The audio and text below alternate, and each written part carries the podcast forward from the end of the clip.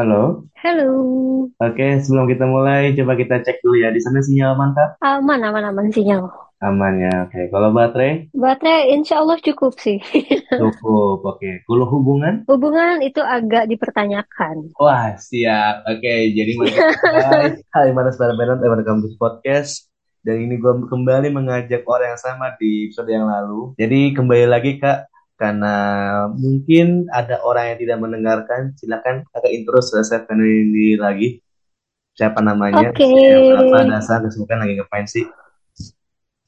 oke, halo. Nama saya Rizky Noviandari. Saya 32 tahun dan sekarang saya kesibukannya kerja di Oslo sebagai head pastry chef di hotel. Eh, asal dari Bandung. BTW ini kakak sedang menjalankan ibadah puasa ya? Betul. Bo- boleh tahu kalau misalnya untuk di Norwegia puasanya berapa jam? Kita tuh mulai puasa dari jam 4.50 sampai jam 8.25 lah. Jadi ini masih nunggu buka puasa ini. Oh gitu. Berarti. Betul. Jadi oke. Jadi ini kita taping pas tanggal 11 April 2023 jam 12 lewat 39 pagi waktu Indonesia Barat. Dan di sana jam berapa BTW? Jam sekarang nih masih tanggal 10 di sini. Jam 7 lewat 41 malam. Petang. Bisa dibilang kalau saya kakak tadi bilang mulai bukanya dari jam 4 ya, 4.20 ya, sampai jam, Jam 8.25. wow, panjang sekali ya. Ada Iya. kali hampir 24 jam berarti ya, 17 jam berarti ya. Hmm, ya sekitar 16-17 jam lah. Hmm, oke. Jadi ini gue masukin kembali di podcast Rantau. Jadi kita membicarakan tentang fenomena yang sedang lagi kakak jalankan ini, yaitu menjalankan ibadah puasa di tanah perantauan. BTW, kalau saya kemarin, bagi kalian yang belum pernah mendengarkan episode pada kali ini, silakan mendengarkan episode yang sebelumnya di part ke- eh, episode ke-40. Eh, jadi ini pengalaman dia eh, di Norwegia, sebelumnya di Dubai. Nah, kalau saya di Dubai itu selama ini nggak sih? Hmm, enggak sih, kalau di Dubai lebih lama dari Indonesia, cuma lebih cepat dari Norway. Oh, sekitar berapa jam tuh kira-kira? Eh, di Indonesia berapa jam ya? Hmm, bentar. BTW ini kebetulan saya tidak menjalankan ibadah puasa, jadi harus saya cek dulu ini berapa jam ya. Oke. Oke, oke. Nah, jadi kalau di Dubai sendiri gimana, Kak? Kalau di Dubai sih jam 4 sampai 4.20 sampai jam 6 lah, let's say. Jam Hmm. 6, 6.15 ya masih oke lah, masih normal. Kayak masih jam-jam Indo itu. Cuma makin ke sini ya jam 7. Cuma kalau di Norway, minggu-minggu terakhir itu kita buka puasanya mendekati jam 9. Oh, oke. Ya, kalau saya untuk Indonesia sendiri rata-ratanya sekitar 13 sam- 13,23 jam. Dan ini kalau saya bisa dibilang untuk Norwegia sendiri puasa paling lama berarti ya, bisa dibilang gitu ya, karena matahari Eh, juga bisa jarang dibilang ya betul. Oh, jarang muncul berarti ya. Betul. Untungnya sih kita lagi bulan puasanya itu lagi nggak di summer ya. Hmm, Soalnya kalau di summer itu bakal haduh halah banget gitu. hmm. Iya, di sini saya cari di Google sendiri puasa terlama di mana dan di Oslo. Wow, Hmm, bagaimana tuh sensasinya? Apa ya, puas menjalankan ibadah puasa di negara yang tanda kutip puasa terlama gitu. Gimana sensasinya? Eh, sensasinya apa ya? Yang jelas capek sih. Maksudnya capek kayak baru juga makan gitu kan. Sedangkan kita udah harus prepare lagi buat sahur gitu kan. Jadi Mm-mm. kayak ibaratnya perut tuh masih full, tapi udah harus prepare lagi buat buat sahur gitu. Tapi Hmm. ya, ya begitulah keadaannya gitu kan. Iya, iya, iya. Nah, saya menurut kakak sendiri, perbedaan pengalaman puasa di Norwegia dengan Ya, let's say Indonesia mungkin. Kalau si Indonesia mungkin kakak udah lama, udah lama bang, udah lama banget gak balik ya. Iya, bisa Nah, dibilang dua itu tahun sih ya. dua tahun. Nah, itu gimana pengalamannya? Perbedaannya gimana yang kakak rasakan? Perbedaannya jelas jauh banget sih, karena kan eh, di Indonesia ya notabene kan Muslim kebanyakan gitu kan. Sedangkan di Norway itu Muslim ada, karena kita nggak nggak nggak full di sini tuh Norwegian semua kan, karena banyak imigran juga. Cuma tetap aja sih eh, nuansanya tuh beda kan. Jadi perbedaannya itu ya sangat kental karena nggak ada tukang kolak di sini. Oh, aduh. Tukang gorengan juga nggak ada. Jadi ya ya itu sih nuansanya yang yang yang bakal kerasa banget tuh cari takjil itu di sini agak susah untuk ditemukan gitu kan. Oh, selain juga mencari takjil, mencari makanan halal di sana termasuk susah nggak sih? Hmm, tergan dibilang susah-susah gampang sih kalau misalnya kita tahu kadang ada beberapa restoran yang udah ada mencantumkan dia halal. Ya, jadi kita kalau misalnya mau yang benar-benar halal ya kita masuk ke sana gitu. Cuma ya karena kebetulan aku seringnya masak di rumah, jadi ya insya Allah halal. Hmm. Nah, biasanya kalau untuk wanita sendiri kan pasti ada fase di mana kayak apa ya, eh, sedang tidak menjalankan ibadah puasa. Nah, ini kebetulan nih kakak betul. sedang mengalami fase tersebut atau masih menjalankan Udah gitu? lewat, udah lewat fasenya di Oh, oke. awal-awal. Oh, berarti bisa dibilang full berarti ya sampai sekarang ini ya. Eh, enggak sih, udah udah batal. Minggu lalu, minggu lalu udah dapet. Oh, gitu. Iya, iya, iya. Maksudnya Mm-mm. dalam artian saya belum pernah mendengarkan kayak menjalankan ibadah puasa terlama gitu ya saya sudah sebutin tadi gitu lah untuk Norwegia sendiri Hmm, negara paling lama gitu Pak dan BTW kalau saya untuk menjaga semangat dan konsentrasi apalagi kan kakak bilang kan kerja di dunia perhotelan gitu loh itu gimana betul. cara menjaga semangat dan konsentrasinya gitu eh semangatnya gimana ya? Ya bingung sih. Semangatnya ya sih harus selalu positif vibe sih.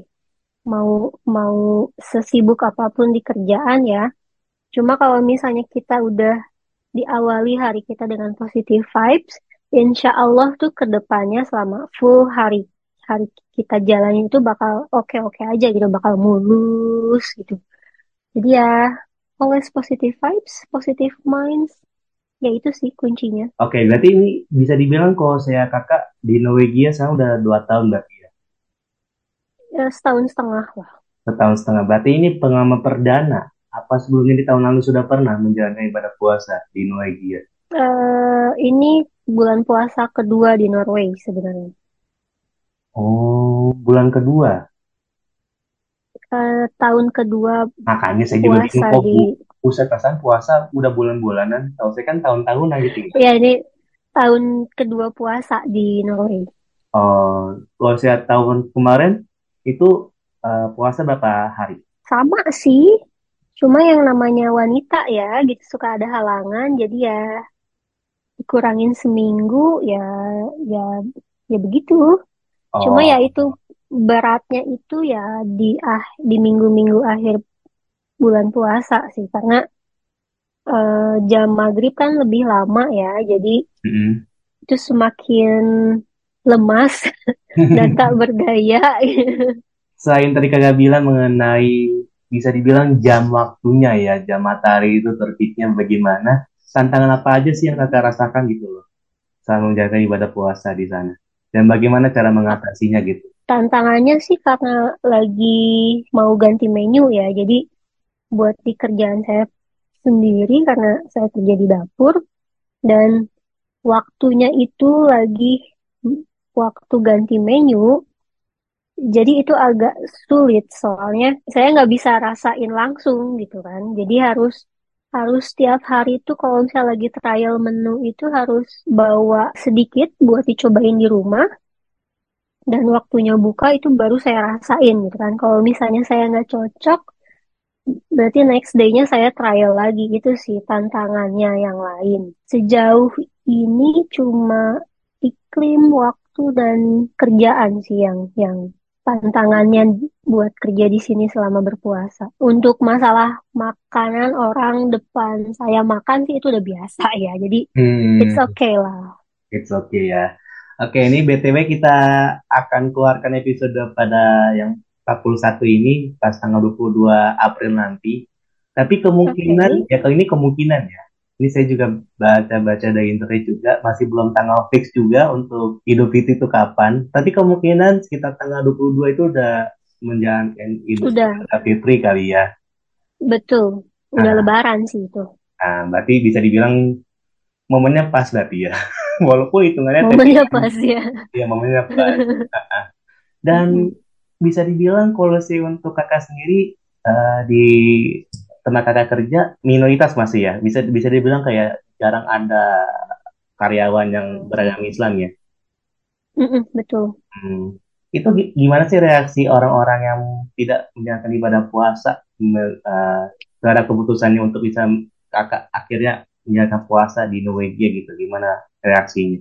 Oke, reaksi mereka sih pasti bakal yang nanya, lo kenapa harus puasa sih gitu? Lo kok nyiksa diri lo sendiri sih gitu? Atau eh, lo benar-benar gak bisa makan minum sama sekali ya selama seharian itu?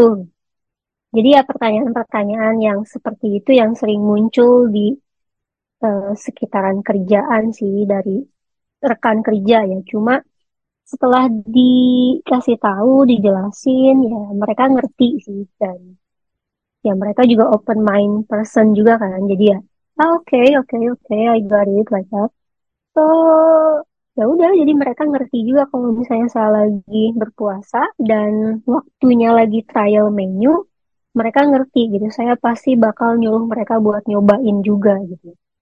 Begitu. Cuma kadang tuh mereka suka kelepasan buat nyu- nyuruh nyobain saya sesuatu gitu kan. Cuma saya bilang saya lagi puasa gitu. Dan mereka langsung bilang, oh iya saya lupa gitu kan. Jadi ya, cuma so far ya mereka oke kok. Mereka menerima itu dengan baik. Selagi kita menyampaikan dan menjelaskan dengan baik sih mereka oke-oke. Tadi kan kakak udah bilang kan di awal bahwa eh, momen kakak berbuka itu adalah mendapatkan takjil tanda kutip ya. Itu kan sensasi kakak Mm-mm. rasakan kemarin di Indonesia gitu loh.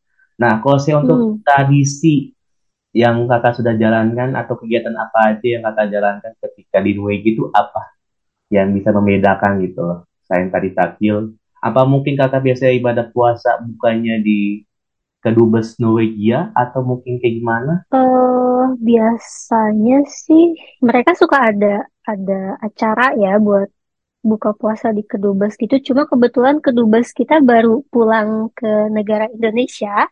Jadi kita belum punya kedubes kita di sini. Jadi acara-acara begitu sih kayaknya nggak ada sekarang untuk tahun ini ya. Begitu untuk buka puasa di kedubes. Tapi saya juga kan ada teman-teman orang Indonesia juga. Jadi kita buka puasanya sama orang-orang itu lagi gitu. Jadi teman-teman itu lagi kita kayak janjian buat buka puasa. Ya udah kita libur bareng, kita masak bareng, kita buka puasa bareng gitu. Oh, kirain teh kayak dalam artian kayak tradisi yang bisa bilang tanda kutip bisa membedakan secara frontal dengan dari Indonesia dengan Norwegia gitu. Ternyata yang bisa dibilang kayak sekumpulan orang Indonesia yang bekerja atau mungkin kuliah di Norwegia masak bareng. Oh gitu ya. Berarti momen-momennya gitu doang ya. Momennya gitu doang. Paling ya sama. Di sini sulit buat sholat tarawih mungkin. Jadi kalau mau sholat tarawih ya paling sendiri. Soalnya di sini masjid bisa dihitung lah. Ya lumayan lah. Cuma ada beberapa gitu. Hmm.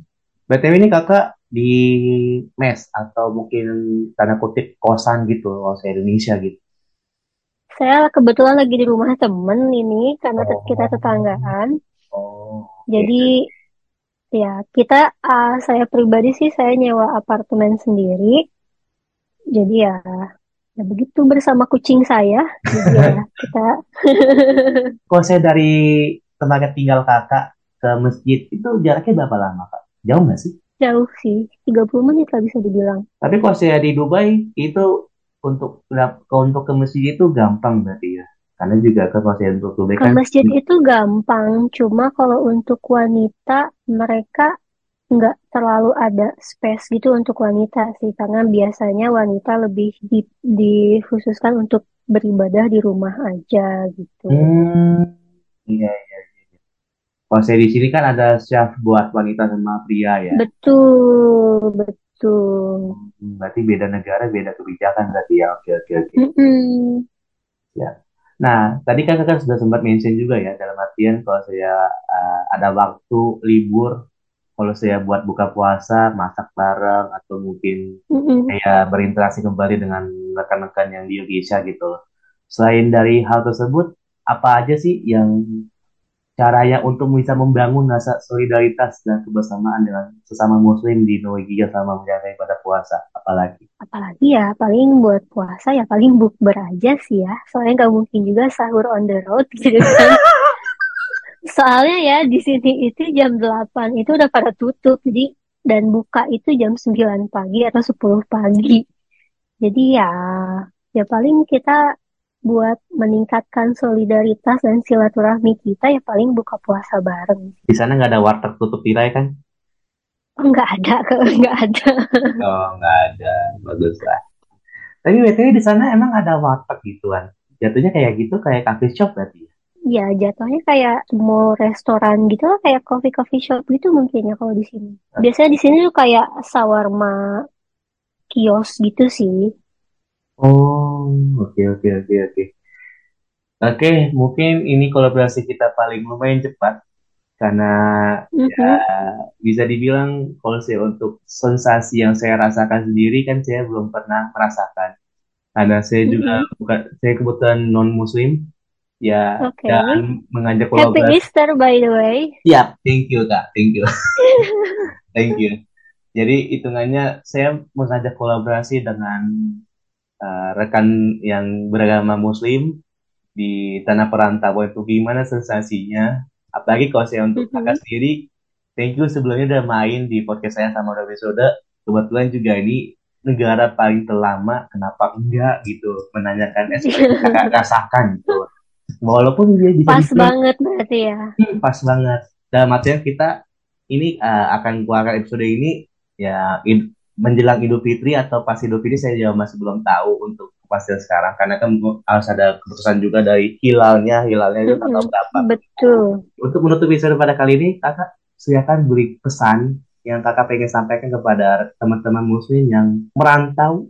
Ya ya tujuannya beda-beda lah. Merantau untuk berjuang untuk merantau untuk magang merantau untuk kuliah. Itu Mhm. kakak kasih pesan dan tips bagaimana caranya biar tetap bisa menjalani ibadah puasa dengan tenang dan aman gitu loh. Walaupun kalau untuk pantas sendiri pasti ada halangannya gitu. Silakan. Eh, buat teman-teman, rekan-rekan yang sama-sama merantau, pesannya apa ya?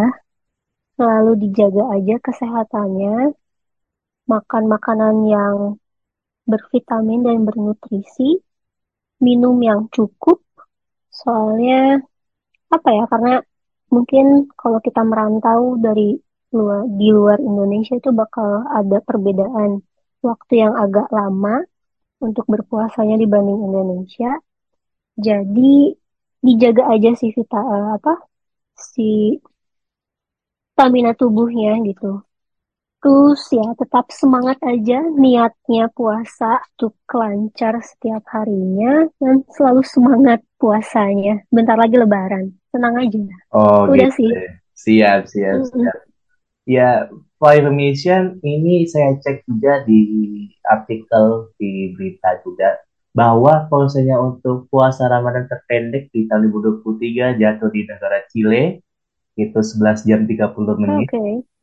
dan kalau Mhm. misalnya se- terlama nah ini nih 50-50 nih antara Norwegia dengan Islandia Kemungkinan kita bakal jadi puasa tercepat sih, empat tahun ke depan mungkin ya. Oh gitu, kenapa tuh? Karena itu mas mungkin mas puasanya masuk di winter. Soalnya winter di sini kan eh, matahari terbit itu jam 9, terbenam jam 3. Jadi cuma 6 jam. Jadi ya enak gitu kan puasanya.